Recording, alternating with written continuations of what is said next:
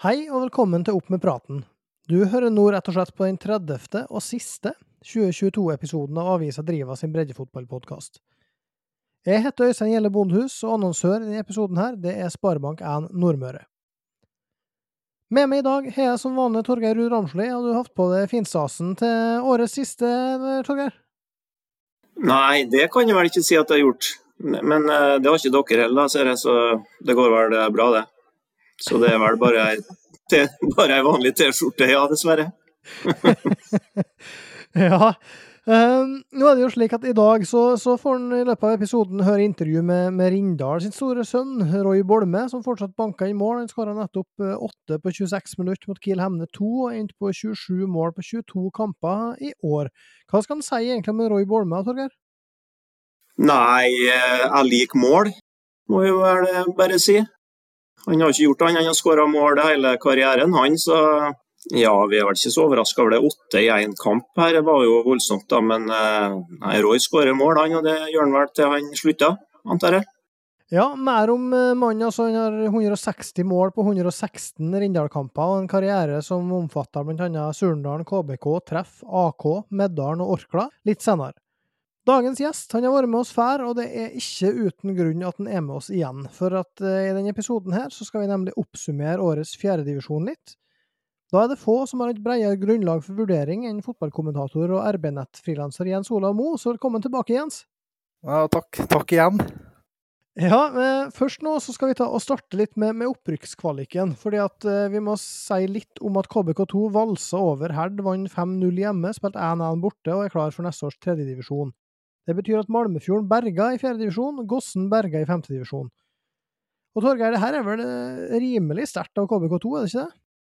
Jo, det ble jo mye mer overlegent enn, enn vi trodde. Vi hadde jo KBK som en favoritt. og Det var jo ganske jevnt å begynne med. Førsteomgangen eh, i Kristiansund var jo rimelig jevn, men, eh, men etter KBK fikk 2-0, så, så datt jo Herd fullstendig sammen. og ja, nå så jeg bare den første kampen, for det var jo avgjort, så jeg brydde meg ikke om å se den kampen på Sunnmøre. Men eh, så vidt jeg kommer på, så kan jeg ikke huske at uh, Herd hadde en eneste målsjanse i Kristiansund. Altså. Og de var, de var, faktisk ikke i nærheten av å ha en målsjanse. Så det, det ble veldig stor forskjell på lagene utover. Og de hadde ingenting å stille opp med, heller ikke på fysikk, og det overraska meg òg. De ble rett og slett overkjørt utover i andre omgang, så det, det var avgjort etter første kamp. Ja, og det at uh, de vinner såpass suverent, det gir vel håp for neste års avdelingsvinner, at de òg har en uh, god mulighet til å hamle opp med seg sunnmøringene? Eh, ja, jeg så ikke på herdelaget der som noe bedre enn våre lokale lag, nei. For å si det sånn, så hvis det styrkeforholdet holder seg hva skal jeg si, til, til, neste sesong, så bør det absolutt være gode muligheter der. Det, det er det ingen tvil om.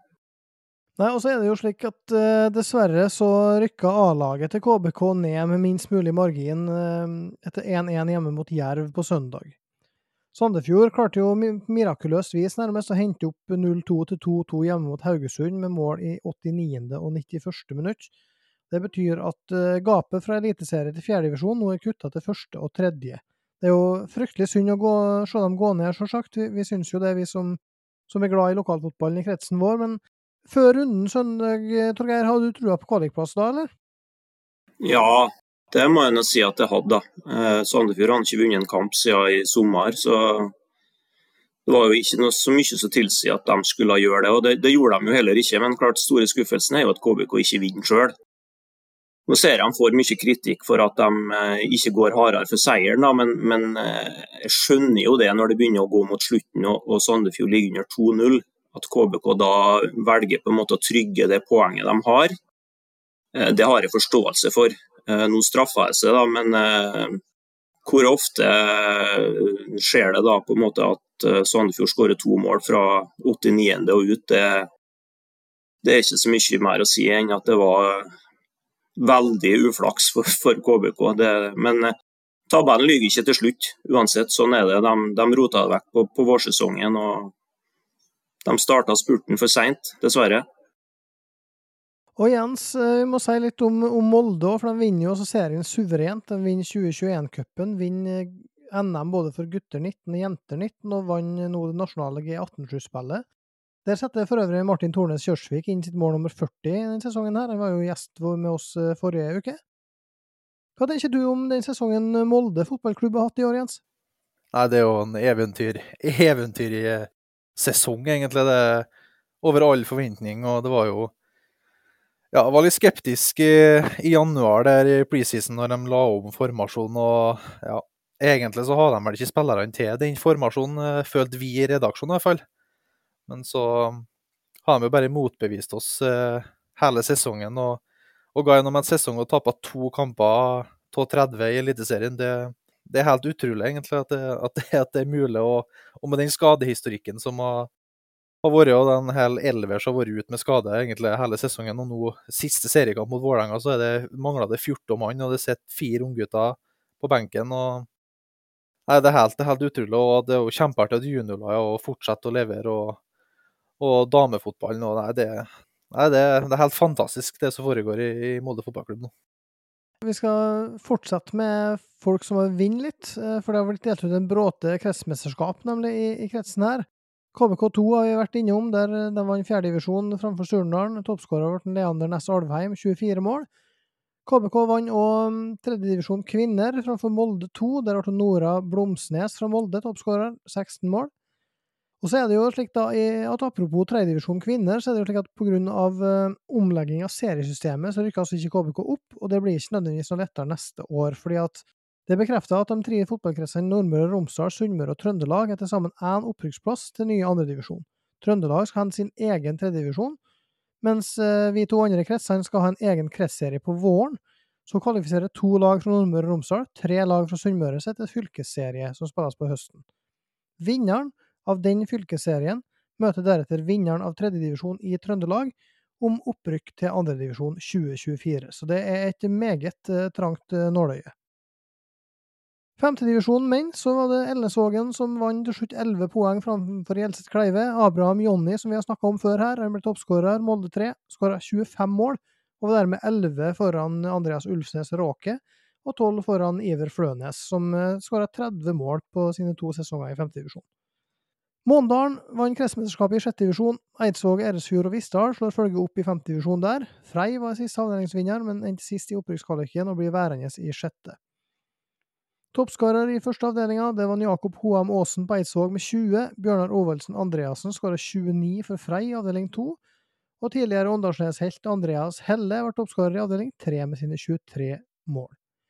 Så kan vi òg nevne at Eresfjord og Vissdal Eidsvåg vant eh, menn sjuer, men eh, Gunnar Sandnes Nauste ble toppskårer med 17. Mens Molde vant foran Sunndal på kvinner sjuer, der Sandra Vik ble toppskårer med 15 i G19 det treff vant kretsmesterskapet, var det hele fire av ti påmeldte lag som endte opp med å trekke seg. Det er jo bare sånn eh, passe. Frei vant KM-gullet i den eldste jenteklassen, jente 17. Molde vant G16 etter 34 mål fra Lukas Aarø, som blant annet har tre kamper for Molde 3 i femte i år. Det var ei, ei kjapp, kjapp, eh, oppsummering på innpust og utpust fra dem som har tatt eh, KM-gull i år. Så gratulerer til alle vinnerne. Vi har lang tradisjon for å heie med åpne hjerter i regionen vår. På sidelinja er vi alle likeens.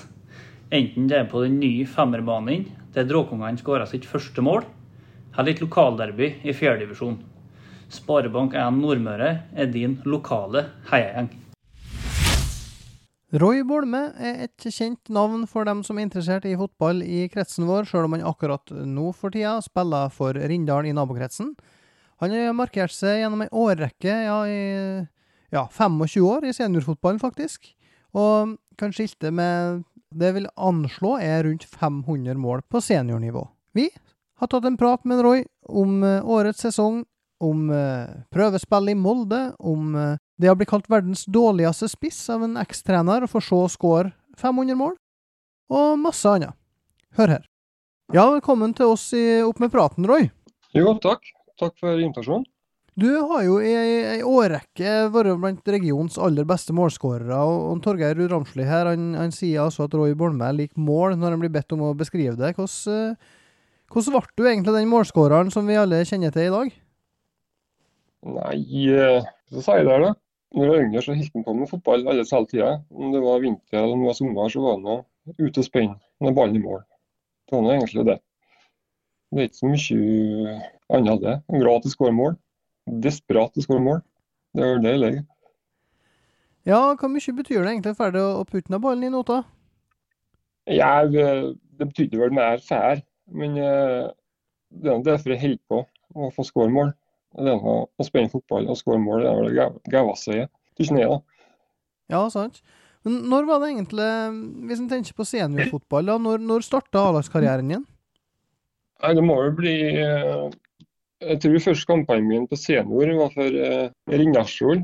Og da var det rundt 15 og 16. Så det er vel eh, 25 år siden. Ja.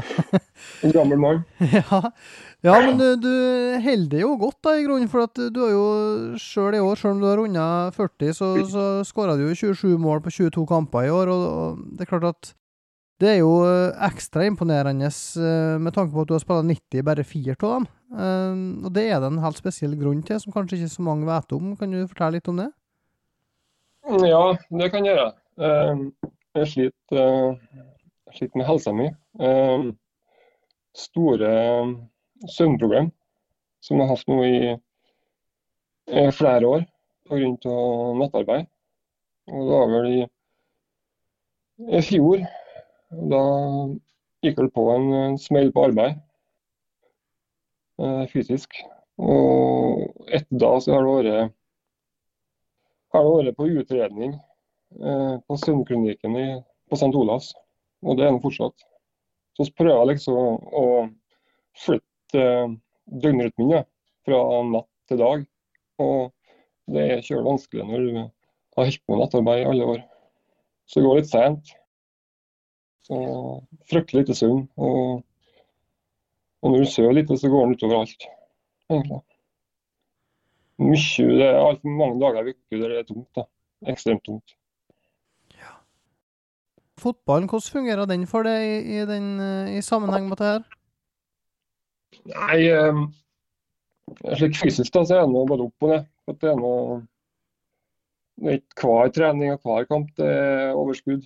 Men slik sånn, det er gjerne godt sosialt, da, for det er ikke, det er ikke arbeid. Og få møte folk og spille fotball og holde på med ting du er eh, god til. da. Og slike ting det hjelper på. Like. For det er ganske drygt i- mentalt da, når ikke du fungerer i hverdagen. Mm. Så, så det går mye opp og ned. Ja, men hvordan er ståa nå, da? Altså, er det, er det, blir det bedre? Det har blitt likere. Eh, eh, men det går uh, kjølsent. Det er ikke før rundt tretida på natta, firetida på natta er først sovna. Og når jeg først har sovna, så våkner jeg igjen. Jeg er Oppvåkninga alles hele tida. Ja. Så det er lite sammenhengende søvn. -hmm. Det blir evig jag da, for å få sove nok. Ja, hvor lenge har du kjent på det? Mm, Nei, det var vel i 2016 det var først jeg var inn med fastlege og slikt. Og det egentlig bare blitt vær og vær for hvert år. Og så tok passen med fjorden. eh, kroppen bare sa nei. Nå må vi slappe av. Han streika. Ikke kan spille. Ja. Det er tungt, da. Det skjønner jeg.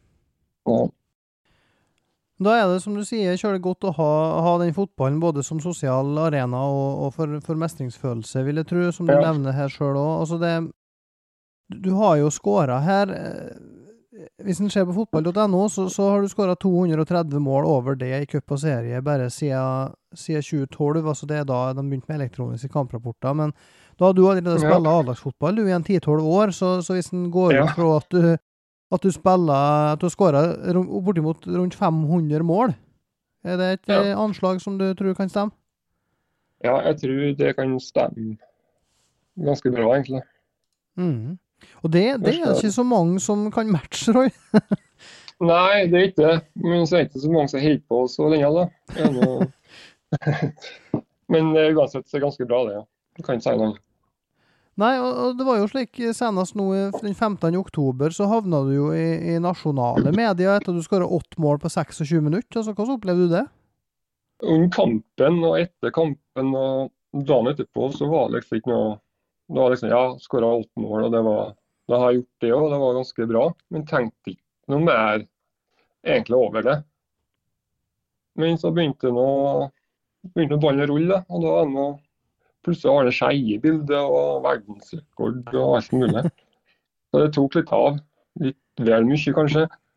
Men eh, åtte mål på 26 minutter er ganske ekstremt, da. Ja, det er ekstremt sjøl til det å være det. Ja, det er ekstremt. Det er noe ganske bra uansett nivå, det. Men det, det er noe seniornivå. Så det er ganske bra, det. I hvert fall på 26 minutter. Ja, sant.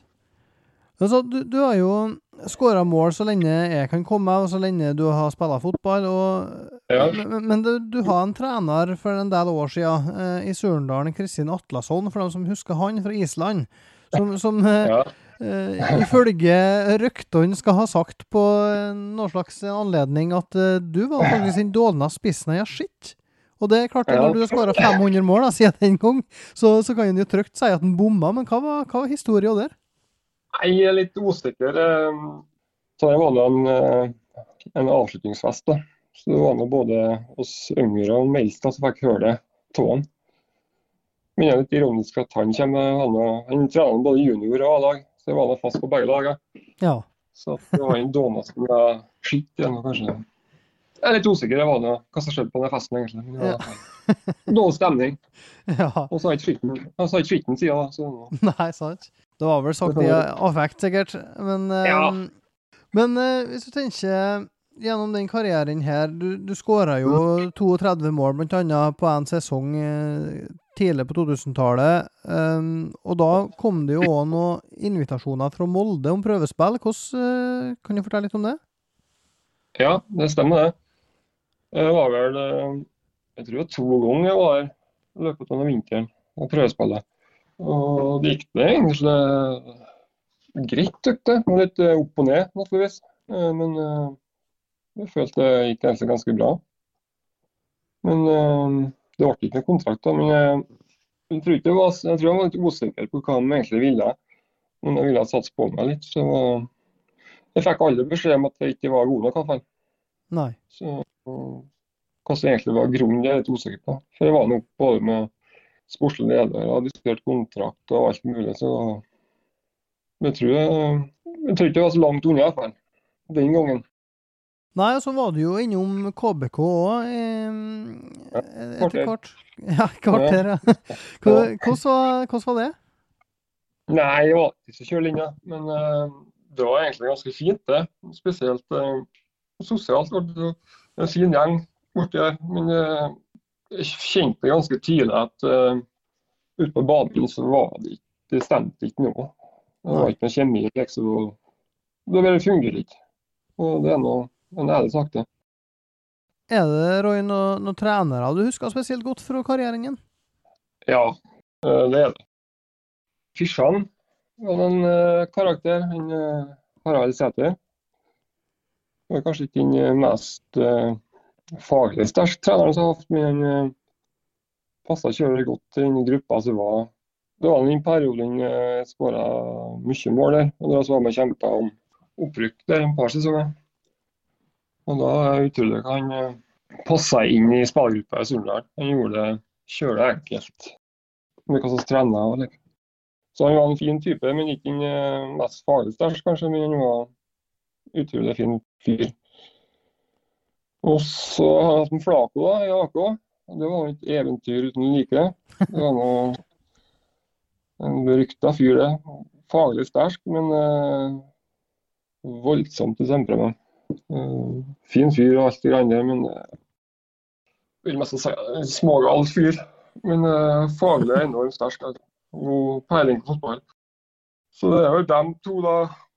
Og så er det Nils Arne Eggen, så klart. Han er han i Oslo. Ja. Få, få muligheten til å bli trener til han, det er, noe- det er vel kanskje det største å være borti like, i fotballen. det. Er nå- jeg er Rosenborg-supporter og har vært på Lerkendal i alle år. Så det er noe- noe Eggen sitt her. Så å få han som trener, er ganske stort. Ja, hvordan, hvordan var det å på en måte ha han som, eh, som trener på Du skårer jo selvsagt mye mål, mål i Orkla òg? Ja, det var bare Jeg var ikke så lenge i Orkla. For at, uh, det visste jeg òg da når jeg fikk det tilbudet, at uh, kanskje det ble kortvarig for denne kabalen som skal opp. da, Med studier, arbeid og unger og pendling på trening. Men når du først fikk muligheten med Nils Arne, så var det bare å ta den og få oppleve den. Ikke bare som trener, men som person. Den er ganske unik. da. Mm. Måten den er på, måten den snakker på. Så det var stort, det. Ja, og det er klart, når en ser på, på karrieren din her, og i, i tall, iallfall på, på fotball.no, så er det klart det, det er jo vanskelig å si ut ifra det når du var på ditt beste, men, men for det er jo mye mål hele veien her. Men, men hva, hva tenker du sjøl? Når var Roy Bolme aller best? Det er vanskelig å svare på, egentlig. Ikke, for det, er egentlig, det er ganske stor forskjell på med etter 30 og før 30 på hvilken type spiller jeg er av året.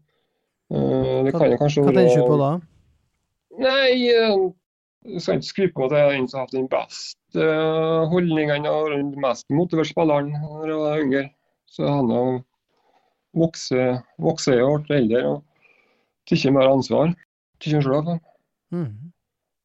Men jeg tror kanskje rundt uh, Det var en, en meldt overgang til medaljen der i rundt 2012. Det var ganske bra sesonger. altså. Så det var kanskje da jeg var på det best, kanskje. Rindalen ble nummer fem nå i, i sesongen som nettopp er avslutta, i femtedivisjon i, i Trøndelag. Ja.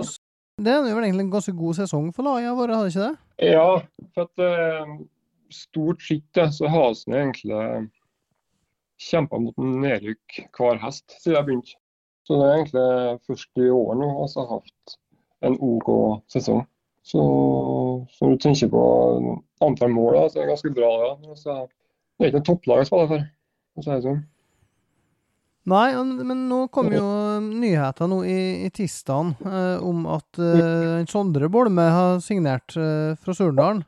Og senest i fjor så fikk de vel tilbake både Are og Sondre Aune og Seinar Møller har kommet for å spille i Orkla. Så hva, hva tror du er grunnen til at de beste Rindalsseniorene nå velger å spille for Rindalen i stedet for naboklubben, slik det kanskje var mer vanlig før? Det ene begynner med en bra tropp nå, og en stabil tropp over tid. Og det er ganske bra treningsgruppe.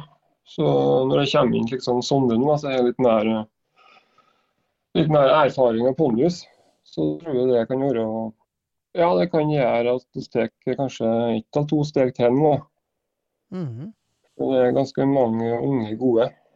Og da er det greit at liksom han kommer da, og tar oss et steg videre. Hva gjør det med motivasjonen for det, da, som eh, blir 41 neste år, til du en ny sesong? Ja, det, det gjør det enklere å bli med et år til, ja. Absolutt. Å få en, eh, en seniorspiller på trening. Det hjelper på mye. Og Kina kjenner ganske godt. Da. Så jeg tror det blir kjølig bra. Det er en god spiller med gode holdninger. Jeg tror det kan gjøre eh, treningshverdagen vår mye bedre. Hvis du ser, Roy, på de klubbene du har vært i. Du har jo spilla på Østlandet, i, Lisleby, og du har spilla i Meddalen og Orkla og, og forskjellig her. AK, eh, KBK. Altså, jeg, hvor har du trivdes best? Nei, Jeg trivdes best i Surndalen. De åra første perioden i Surndalen var de som var best. Å komme opp i den der eh, gjengen som var der, det var stort, det. Og det var utrolig bra miljø. For da, da var det vel et juniorlag der med, med det og Tommy Tunesveit på topp, og Trond Blekken og Vebjørn Holten på midtbanen og litt sånt, var det ikke det? Ja, ja, det var ganske bra juniorlag. Så, så det er vel den, eh, den første perioden med Surndalen, så er den gauest, da, hvis en skal tenke slik.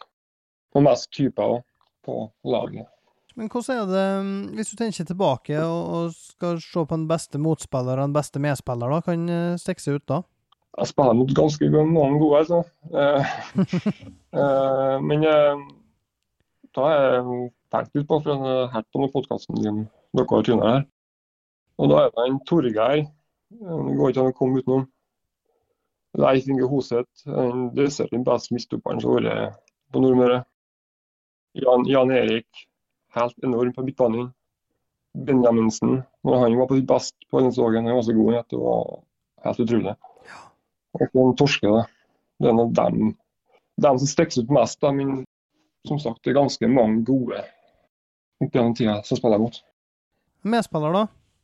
Det er en Runding, da. Kjetil Runding. Så er nummer én. Desidert er helt enormt fotballspiller. Og så har han spilla spiss, da, men Jostein Kvinseth i ganske mange år. Og det har nå fungert ganske bra, må man si. Og så har vi Lars Egil Rindal og Trond Blekken. Det er nå dem som har egentlig har vært best, ikke det. Men Trond Blekken har kanskje fått litt for lite skryt opp gjennom tiden. ikke. Han var ganske god, god midtbanespiller. En fotballspiller. Men som sagt, jeg spiller både mot og med mange gode fotballspillere. Så det er sånn vanskelig å velge ut. Favorittlag å spille mot da, Roy? Det er Sunndal. På Sande stadion. Ja. Mot en Torbjørn eh, Agent, keeper. Både junior og senior. Det var Gauasåa kom på Sande stadion og spilte mot det. Det var ikke riktig hver kamp, men det var mye seire og mye mål. Så det er de kampene jeg gleder meg mest til. Sunndalen borte spesielt. Litt kok da, og stemning og fyring. Det gutter. Ja, for du, du, er jo en type som trives når det er litt kok, er du ikke det? Du trives når det er litt ja. meldinger og litt typer, sier du her, og, og, ja, når det er litt uh, stemning? Ja, det gjør det. Uh, jeg har nå ikke temperament sjøl, da. Så det er vel, må, må vel innrømme at det har vel gått over gått vel langt som gang, men uh, for ofte så har det gått bra. Og en gutt å være litt eplekjekk når det er under kampen. da. Og komme med noen stikk og slike ting. Så det må gå an. Og det har gått begge veier. Jeg har fått mye tid nå. Ja, da, da, er det jo fristende å høre om, for at uh, du har jo sagt det at da du skulle på prøvespill i Molde i sin tid, at du sa det at hvis Bernt Hulsker kunne spille i Eliteserien, så, så kunne du det òg. er det sant? Ja, eh, det stemmer bra, det. eh, jeg var i et intervju her med Driva for mange år siden. Så nevnte nevnte at så lenge Hulsker er proff, så er det håp for alle. Og Da mente han mest utenomsportslig utenomsportslige med han. Da. han Hulsker var en god spiller, det. men det var mye med han. da. Mye fakta med han. det. Det var liksom det som var poenget. Men uh, da kom det frem at han Hulsker var så da vet han av han. ja, var det slik at når du da møtte han, når du møtte han i Molde, var det Hvordan var det? Jeg, jeg snakka ikke med han. jeg, helsa, jeg tror ikke jeg hilsa på han, jeg torde ikke. Nei. Jeg har ikke glemt det, slik forstått det. Han vet det. Men det får bare være. Må melde litt. Det var ikke noe støtt med. Nei, men vet du, Roy, da sier vi tusen takk for praten, og så får du ha masse lykke til med både helsa og med neste sesong. Ja, takk.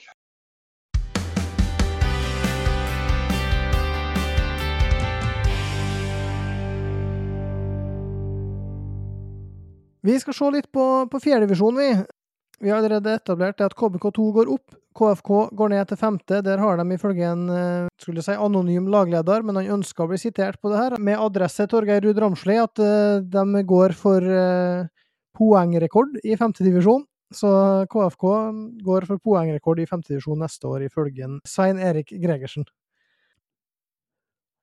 Vi skal se litt på årets spiller. Der er det jo noen kanskje noen få som stikker seg ut, men her er det rett og slett lov å komme med forslag. Er det noen som har noen kandidater de ønsker å, å nominere til årets spiller i fjerdedivisjon 2022? Eh, Skal vi kåre det her nå?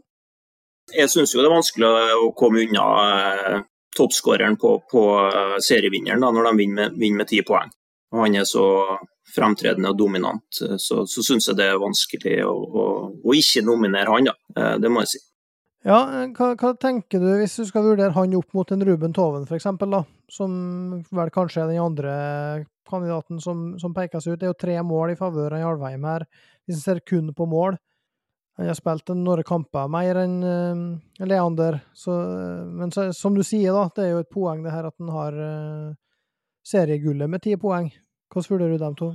Ja, nei, altså Begge dem to har jo hatt uh, kjempefine sesonger. så er gode kandidater, begge dem. da. Eh, og så synes jeg jo han Toven har, han har jo et eh, fortrinn ut ifra at han er veldig dominant i kampene når han spiller. da. Eh, det er jo kanskje ikke han Alvheim i samme grad. Alveim spiller jo på et veldig godt lag og får mye fôr, jeg har tenkt å si, og blir mata mye med målsjanser. Det blir ikke en Ruben Toven. Han, han skaper mye sjøl og bærer det laget der mye på, på sine skuldre, da, syns jeg. Så det, det er jo en, en klar fordel, han igjen. Jens, har du noen andre kandidater eller noen tanker om dem to opp mot hverandre? Ja, altså, jeg er enig til, til det begge dere to sier. Og, og det, er jo, det, er jo, lett å trekke fram en uh, Alvheim igjen, da. Men uh, det som Torgeir sier, at hvis en ser litt bak at han har et mye bedre lag, da, for KBK2 er ikke bedre lag alene. Det må være lov å si. Og um, det gjør at han kanskje blir servert mye mer. Det er mye tap-ins, litt straffer, litt forskjellig sånn. Og um, derfor så er altså Ruben Toven da, Det er synd, for han tror jeg kunne vært toppskårer hvis han har spilt de siste matchene, for han gjorde ikke det. Og det vet ikke hvorfor. Det, det er synd, for jeg tror han har hatt eh, gode sjanser til å, å faktisk gått forbi Leander på slutten der. Og da nå var det vært enda enklere, men uh, jeg heller faktisk litt mot Toven pga. at Eide havna på sjuendeplass på tabellen, og at han skåra 21 mål det er kruttsterkt. Så for min del så blir det Ruben Toven. Ja, eh, enig i den. Eh, Torgeir, kjøper du, kjøper du, den? Ja, det gjør jeg absolutt. Til mer jeg tenker på det, til mer enig blir jeg, så støtter jeg den. Ja, da er det bare å Ruben Slutta Stoven da, med, med den veldig prestisjetunge tittelen 'Årets spiller i fjerdedivisjon' fra Opp med praten-gjengen. Det gjør jo kanskje at årets unge spiller da, eh, ikke kanskje blir så veldig spennende hvis en da nominerer en Leander Næss Alvheim der. Hva andre kandidater bør eh, nevnes der, Torgeir? Nei, eh, problemet er at en kanskje ikke kjenner alderen på alle, og heller ikke hvor han skal sette grensa hen, på en måte. For det er jo veldig mange unge spillere. Men jeg tenker nok kanskje at vi må på noen som ja, kanskje har holdt G19-alder eller noe sånt. Da, og da eh, blir det vanskelig. altså. Jeg, jeg må si at eh, å komme utenom en Alvheim der, da, i så fall, hvis han, er, hvis han er nominert som årets spiller og ikke vinner den, da, for å si det sånn, så blir det vanskelig å omgå han eh, på årets unge spiller. Jeg er helt enig. Det, det er mest umulig å unngå unngå han. Men det er så klart det er flere på KBK2 som det går an å ta av. Da. Det er jo Marius Weidel, Avet uh, Alemseged og Oskar Sira Sivertsen. Da. Men han var jo ikke med hele sesongen, så um, han blir nok ikke. Vilar Kvande på Surndalen har spilt egentlig ganske få kamper, men vært meget viktig. Men uh, nei, jeg tror um, det er Leander Næss Alvheim der, ja. Det, det tror jeg egentlig så er det vel udiskutabelt. Ja, det, det, er vel egentlig det. Leander Næss Alvheim, årets unge spiller i fjerdedivisjon her i Opp med praten. Uh, Sleng inn Isak Aalberg, stopper på KBK2, som uh, min nummer to i den, uh, den kåringa der. Så spørs det, fordi vi har tatt på oss den oppgaven å kåre årets lag, og det er jo en, en litt sånn spesiell øvelse. Nå har vi Eh, satt opp litt og lekt oss litt med hver våre konstellasjoner her. og det er klart at Noen gjengangere vil det jo bli, vi har allerede diskutert noen aktuelle. Men eh, hvis vi begynner med, med keeper, da. Det er, jo, det er, jo, vanskelig, for det ser du ikke på toppskårerlistene. Det ser du ikke på det, Vi har spurt eh, lytterne om det her på forhånd, om hvem kom med innspill, og det er jo stort sett eh, folk som skårer masse mål, som, som blir, eh, kommer med innspill der òg. Eller som blir, blir foreslått. Men keeper, Jens, hvem eh, har du i mål? Det er Torstein Snekvik, for min del. Det er jo eh, Vi diskuterte litt før vi gikk på lufta her, at, eh, at Grimeli på Sunndal han, eh, Hvis han har fortsatt hele sesongen i Sunndal, så har han nok eh, valget eh, datt ned på han til slutt. Og så er vi jo Adrian Sæter, men han sto vel bare elleve kamper for KBK2. Så da, da er ikke han aktuell for mitt lag. Og da da går vi på neste lag på tabellen, og da blir det Torstein Snekvik. For meg, i hvert fall. Torgeir, hvem uh, har du som keeper på årets lag? Jeg syns kanskje det var det vanskeligste å komme fram til, eh, jeg også. Jeg har hatt en Grimeli hvis han har spilt hele sesongen. Det, det har ikke vært i tvil i, i hele tatt. Eh, han var veldig avgjørende for Sunndalen sin gode vårsesong og og, og stengt buret i mange kamper. og Veldig mange jevne kamper som, som Sunndalen eh, bikka til sin fordel.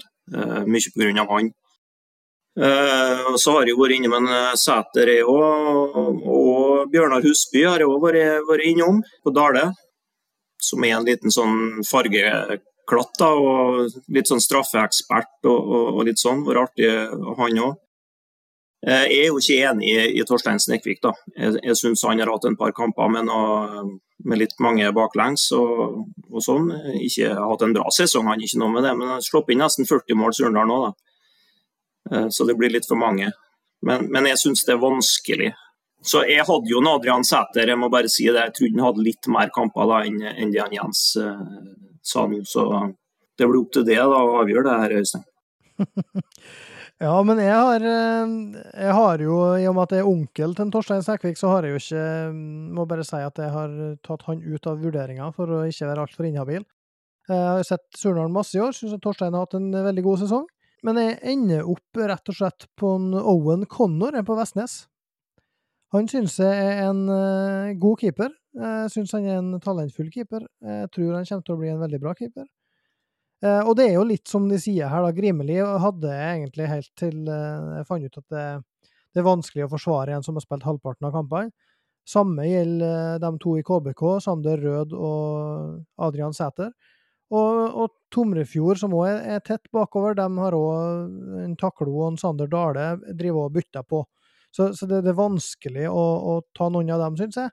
Så jeg tenker at eh, jeg går for en Owen Connor, som har hatt en god sesong i Vestnes, og så vil jeg ha en Bernt Visnes i Eide som uh, rutinert backup. jeg ser jo De har jo sluppet inn overraskende lite mål av Vestnes ut ifra at de eh, ble nummer åtte. Mm. Så har de sluppet inn bare 45 mål. Har sluppet inn min mindre enn Dale og mindre enn Treff 2. og bortimot. Det er ikke mange flere enn Surndalen f.eks. og Sunndalen. Mm. Så, så, litt eh, talentutvikling kan vi tenke her, så Owen Connor for mitt, uh, mitt tips der. Så spørs det Forsvaret, eh, hvis en skal se Vi, vi vet jo ikke noe hva, hva, vi ender opp med av formasjon her, men det er jo en del av, av spillet. Men er det Kanskje vi skal, skal, se på dem som vi er enige om som garantert må med. Torgeir, hvem var den første du setter opp? Nei, Midtstopperne syns jeg var veldig greie, da. I hvert fall hvis en skal gå for to. Ehm, jeg har egentlig lyst til å sette opp laget med tre stoppere, men, eh, men jeg er usikker på nummer tre. Men de to første var greie. Det var Isak Aalberg på KBK2 og en Andreas Sæter på Surndalen. De er klink på mitt lag. Jeg har eh, satt opp med tre stoppere og har begge dem to pluss en Fredrik Kåssberg på, på Tomrefjord. Hva tenker du Jens, hvordan har du satt opp laget? Nei, Jeg har valgt å gå for en treer, ja. Eh, Aalberg og Kåssberg. Kåssberg var han først for min del. altså Han er, han er god rett og slett. Eh, det vet alle som, eh, som kjenner til han og Tomrefjord. Og så var jeg usikker på om jeg skulle ta Darsak Sæter eh, ned som midtstopper, men jeg har valgt å ikke gjort det. I hvert fall i første omgang her, hvis ikke de overbeviser meg om noe annet. Men jeg har tatt med Tore Bæverfjord. Selv om han er venstreback, så har han vært meget god for Surnadal i år. En av de aller, aller best. Så det Han òg var ganske, ganske klink, faktisk. Og jeg velger å ikke ha han på wingback da, på Meta, for der er, det, der er det så mange om bandet. Så da flytter jeg en hel ned som stopper, så da blir det Aalberg, Kossberg og Bæverfjord for min del. Men da, i og med at vi da rett og slett har Kossberg og Aalberg eh, Alle tre har Aalberg, to har Kossberg, og så er vi to som har Dalsjak Sæter. Da spørs det vel om de tre er dem vi ender opp med der, da? Ja, det er så moderne og nå med, med trebackslinje, så vi får hive oss på den bølgen. Får gjøre det. Ja, jeg, skal, jeg kan, jeg kan, eh, jeg kan flytte Dalsjag Sæter ned et hakk, og så får Bæverfjord vente til neste år. Ja, det er jo en, eh, vi skal nå bekle noen wingbacker her òg, så vi får se. Men eh, hvis en går over dit, da, da spørs det jo hvordan en vil, vil, komponere det her, om en vil ha litt offensive For det, det er jo mange backer. Jeg har jo snakka med en del folk i løpet av øh, året, og, og vet jo at sånn som en Brian Hammerås eh, var jo aktuell for mitt lag på stopperplass. Han hadde en god sesong for Dale.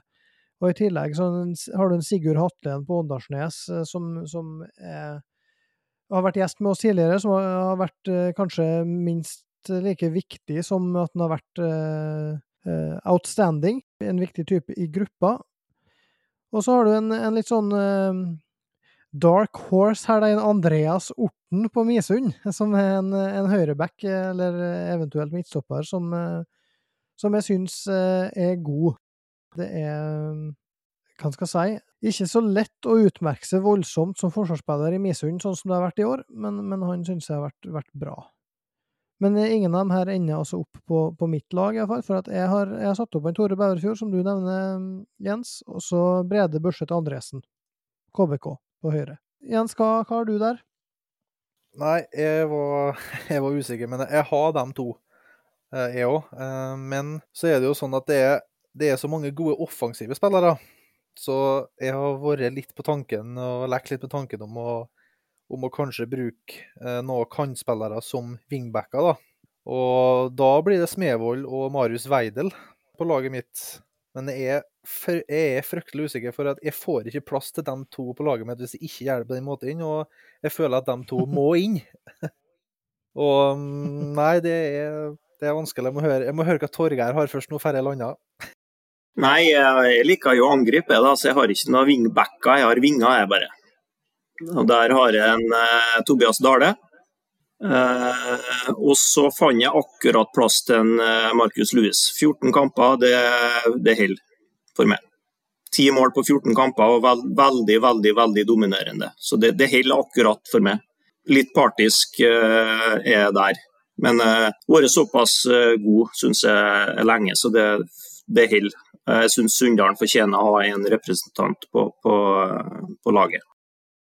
Ja, jeg er ikke uenig i det i hele tatt. Eh, jeg må jo si det at vi, i den 3-5-2-en her vår ser jo ut som å bli sånn som årets lag ofte blir, da, at det blir ikke så veldig mange defensive fiber. Men eh, det er klart at i en 3-5-2 så Tobias Dahl har 18 mål. Hvor mange defensive fiber han har, det, det, han er best offensivt, han òg, men det kan en si om en Sander Smevold òg. Han er ikke en defensiv ving i, i 4-3 til Surnadal, han heller, men klart han har jo spilt en del stopper og, og sånn før, så han, han, kan det jo. Men det er ikke det han liker best, å, å springe bakover, så får du ha med unnskyldt, Sander. Det, det, det, står jeg for. Men eh, da spørs det hva vi lander på. Jeg er åpen for ei sånn løsning med, med vinger her, jeg, altså. Fordi at jeg sliter med å få igjen Tobias Dale uten å gjøre det på samme måten. Men det er klart, eh, hvis begge dere har med en eh, Bæverfjord, var det så? Ja. Ja, da kan vi, vi kan jo spille med én back og én ving, da, vet du. så flytter vi en Louis over på, på høyre. Så har vi en Bæverfjord på venstre og en Louis på høyre. Jeg har jo ikke med en Bæverfjord jeg nå, siden jeg flytta en Barsæter ned. Så um, jeg har Smevold og Weidel, men uh, jeg har jeg, altså Louis han er, det er vanskelig å unngå han, selv om han uh, spiller bare en, litt over en halv sesong der. Så, så var han så dominant for Sunndal og egentlig hele divisjonen at jeg føler at han må inn.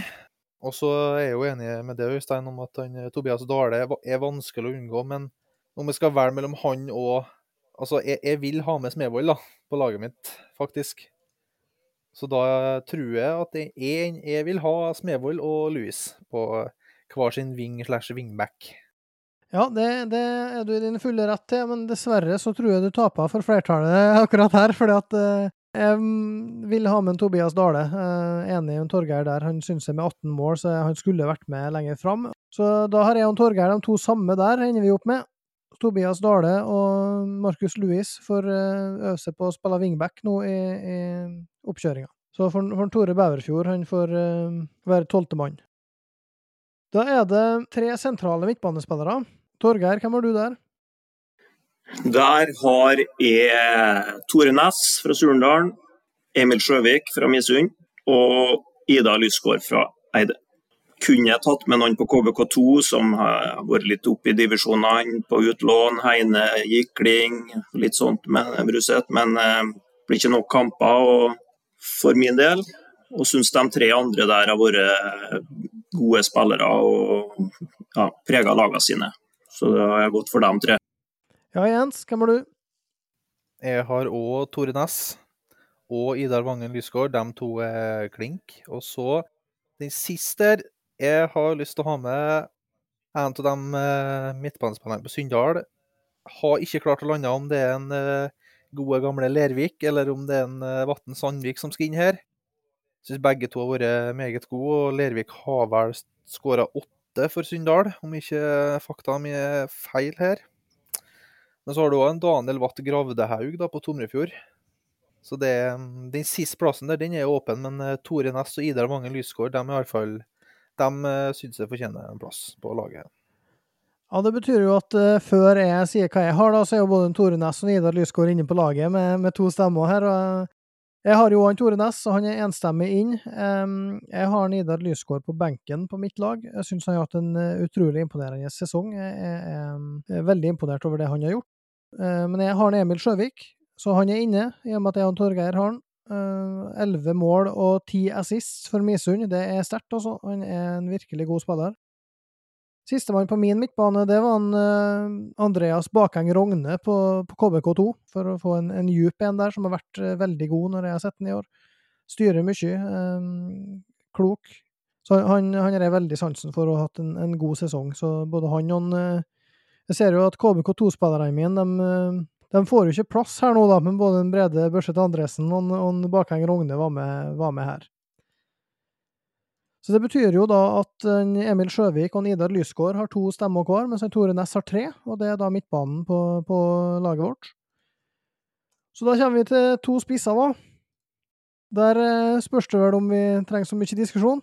Eh, vi har vært innom årets spiller, årets unge spiller, men Ruben Toven og Leander Næss Alvheim Er det noen som har noe andre enn en dem? Eller er vi enige, Torgeir? Har ingen andre enn dem, nei. Det var aldri tvil om heller. De var to, kanskje de to første satt opp. Det er akkurat som det, det er vel umulig å ikke, ikke være dem eh, etter disse to sesongene de har hatt. Så, men så klart det er, det er mange her. da, så Marius Weidel, jeg var inne på han, men det er ikke plass. Og da, da, er, da, er, det bare sånn. Når lagkompisen din som du spiller i angrep i lag med, har ti mål mer enn det, så er det vanskelig å argumentere for at han skal få plass. altså, Det syns jeg.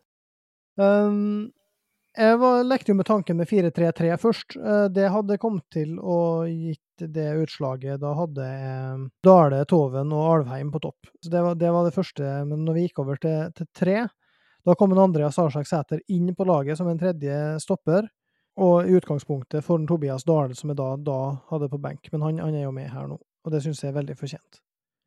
Så det er jo mange en kan trekke fram, sjølsagt. Du, du, har en um, du var jo inne på en Lervik. Jeg er enig i at han har hatt en veldig, veldig fin sesong. Um, Tommy Kanishi har vært god for Tomrefjord, som vanlig. Espen Outsen har vært god for Malmefjorden.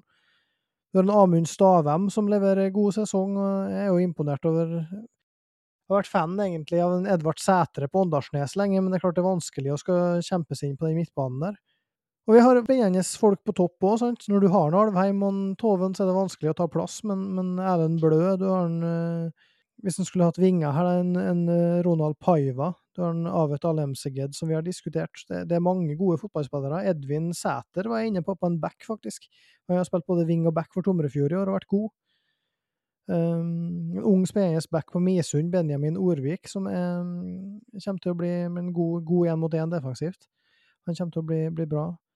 Og så er det litt Eh, Jan Ragnvald Eide nevnte jo han eh, Fredrik Røvik i dag. Han er jo en, en herlig sånn eh, back-type med motor og, og, temperament hvis en skal ha med en, en wingback, men uh, føler vel egentlig kanskje at vi har landet et ganske godt lag her, da, hvis en, uh, bortsett fra keeper, som vi egentlig ikke har landa.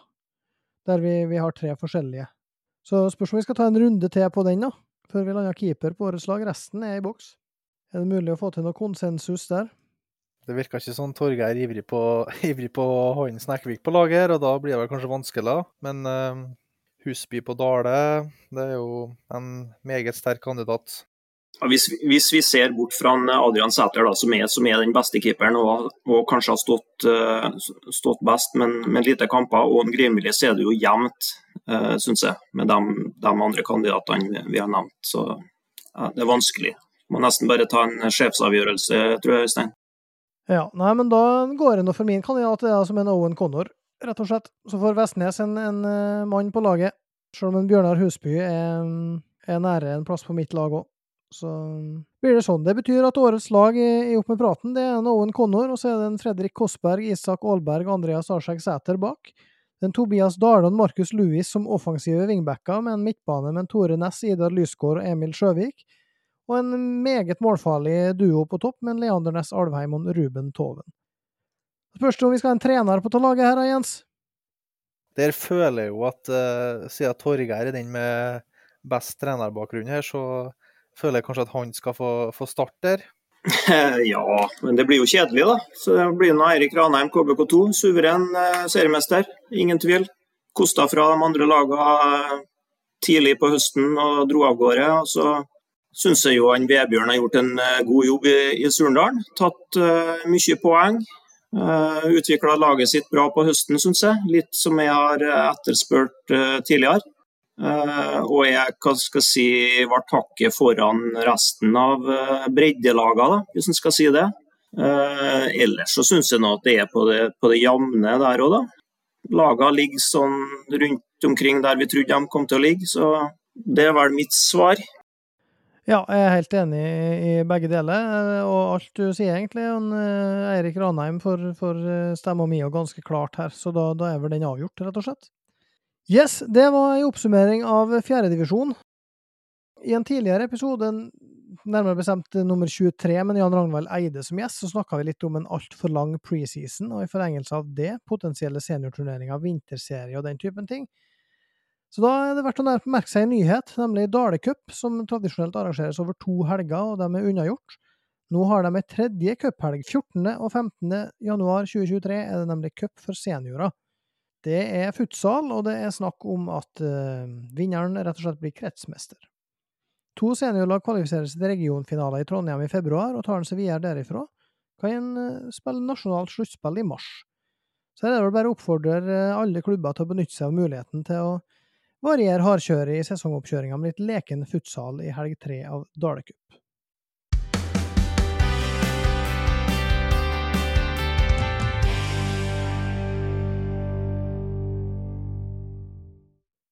Torgeir, for å gå inn litt for landing. Vi har jo sittet her og, og ment ting om lokalfotball nå, siden lenge før seriestart.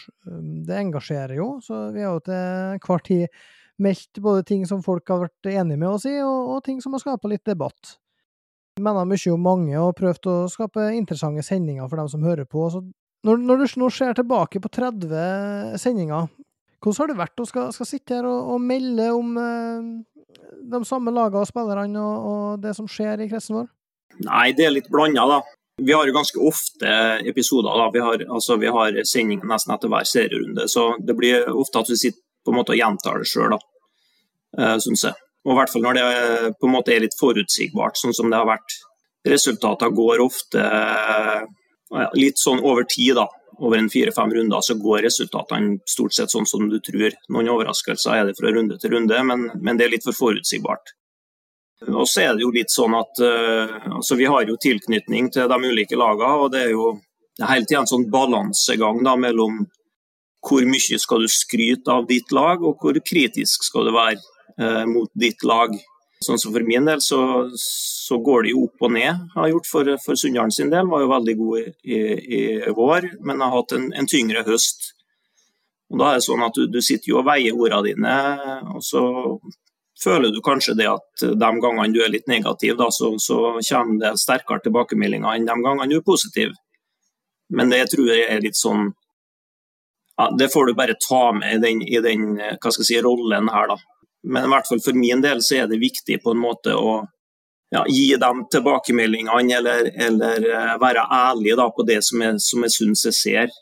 Så, så, jeg ønsker på en måte ikke å pynte bildet på noen måte, og heller ikke være for kritisk. da, For, for det er jo som regel et balansert og nyansert bilde, eh, i hvert fall gjennom en hel sesong. Så det er ikke like lett alltid, men, eh, men, du prøver. Du prøver å være positiv og prøver å være eh, ikke negativ, da, men, men, kritisk når du syns det kunne vært bedre. Så en litt sånn utfordrende balansegang når du, når du har på en måte både ei fortid og hva skal jeg si, interesser, og du har familie på laget og, litt sånn. Så det er ikke like lett uh, alltid, men, men jeg tror som regel så går det stort sett bra. Ja, jeg er veldig enig i det. og jeg har følt på det om, om Surndal nå, med å være så ærlig som det. Vi prøver jo å være så Å lage et eh, produkt som er, er, interessant, uansett om du bor på Nordmøre eller i Romsdalen. Men det har jo litt med tilgjengelighet av stream, det har med tilgjengelighet av hva vi får av rapporter, hva vi, hva vi klarer å opparbeide oss av, av nettverk. Og i Surndal så, så, er jo der jeg får mest tilbakemeldinger fra, sjølsagt. Eh, og jeg tenker meg jo to ganger om før jeg melder noe knallhardt uh, om Surndalen. Men samtidig så må jeg jo melde det jeg ser, du må jo være ærlig og, og si det som en ser når en er på kamp hver uke. Det ligger jo, i, som du sier, Torgeir, i den rollen som vi har her. At uh, hvis vi kunne sitte her og bare skryte av, uh, av lagene våre og ikke mene noe om noen, så hadde det ikke vært artig å høre på heller, tenker jeg. Altså, du, du må, må, kunne melde litt. Er det her noe, Jens, som du kjenner på når du er kommentator? For da skal du jo egentlig eh, synes noe om det du ser i 90 minutter? Ja, jeg kjenner meg at det er mye av det begge dere to sier. Ja. Det, det er jo ofte sånn at uh, lagene som er nærest geografisk, de har en ofte mer kunnskap og kjennskap til. Og, men så er det jo det at må, han må huske å minne seg på at de som ser på kampene, og spesielt kanskje sånn som jeg med Molde 2 og Treff, at um, det er ofte bortelaget og dem sine supportere som ser kampene. Og det glemmer en kanskje lite grann. Og det er fort gjort å gå i fella med å gå på færre navn og litt sånn sånt der, og det, det, er ikke, det, er ikke, bra. Så det er viktig å huske at det er to lag, og at man må veie begge to, sjøl om det er lov vi har lov til å være litt partisk, vi da. Vi har fått, vi har fått uh, godkjenning fra, fra, øverste hold om det færre sesongstarter. det, det, er lov å være litt partisk. Men, uh, men altså, når det gjelder fjerdedivisjon, så føler jeg at der, der går det greier, på en måte, for der har han, har han ikke Jeg har iallfall ikke noe sånn spesiell tilknytning eh, til, til noen lag, da. Jeg vil avslutte årets siste sending med å dele ut litt takk. Den første den går til deg, Jens, for at du var med oss i dag. Jo, det er hyggelig å bli invitert og kunne runde av en flott sesong med, med en god prat. Yes, og, og takk òg til, til målgjeter Roy Bolme, som altså fortsatt bøtta inn uten at eh, noen er overraska over det. Så takk til alle dere som brenner for lokalfotball, både spillere, ledere, tilskuere, dommere, de ansatte på kretskontoret, og ikke minst alle ildsjeler som legger til rette for at vi alle som, som elsker lokalfotball, har noe i det hele tatt å, å se på og snakke om.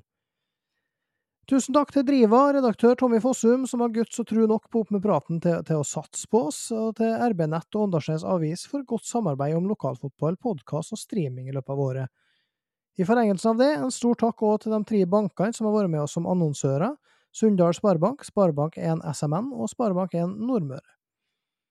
Tusen takk til gjestene våre, vi har prøvd å variere så godt vi kan etter geografi og tema, samtidig som vi har fælt nyhetsbilder og sett på hvor det er det har vært størst spenning både på tabellen og i, med tanke på enkeltoppgjør med, med lokale rivaler og sånne ting.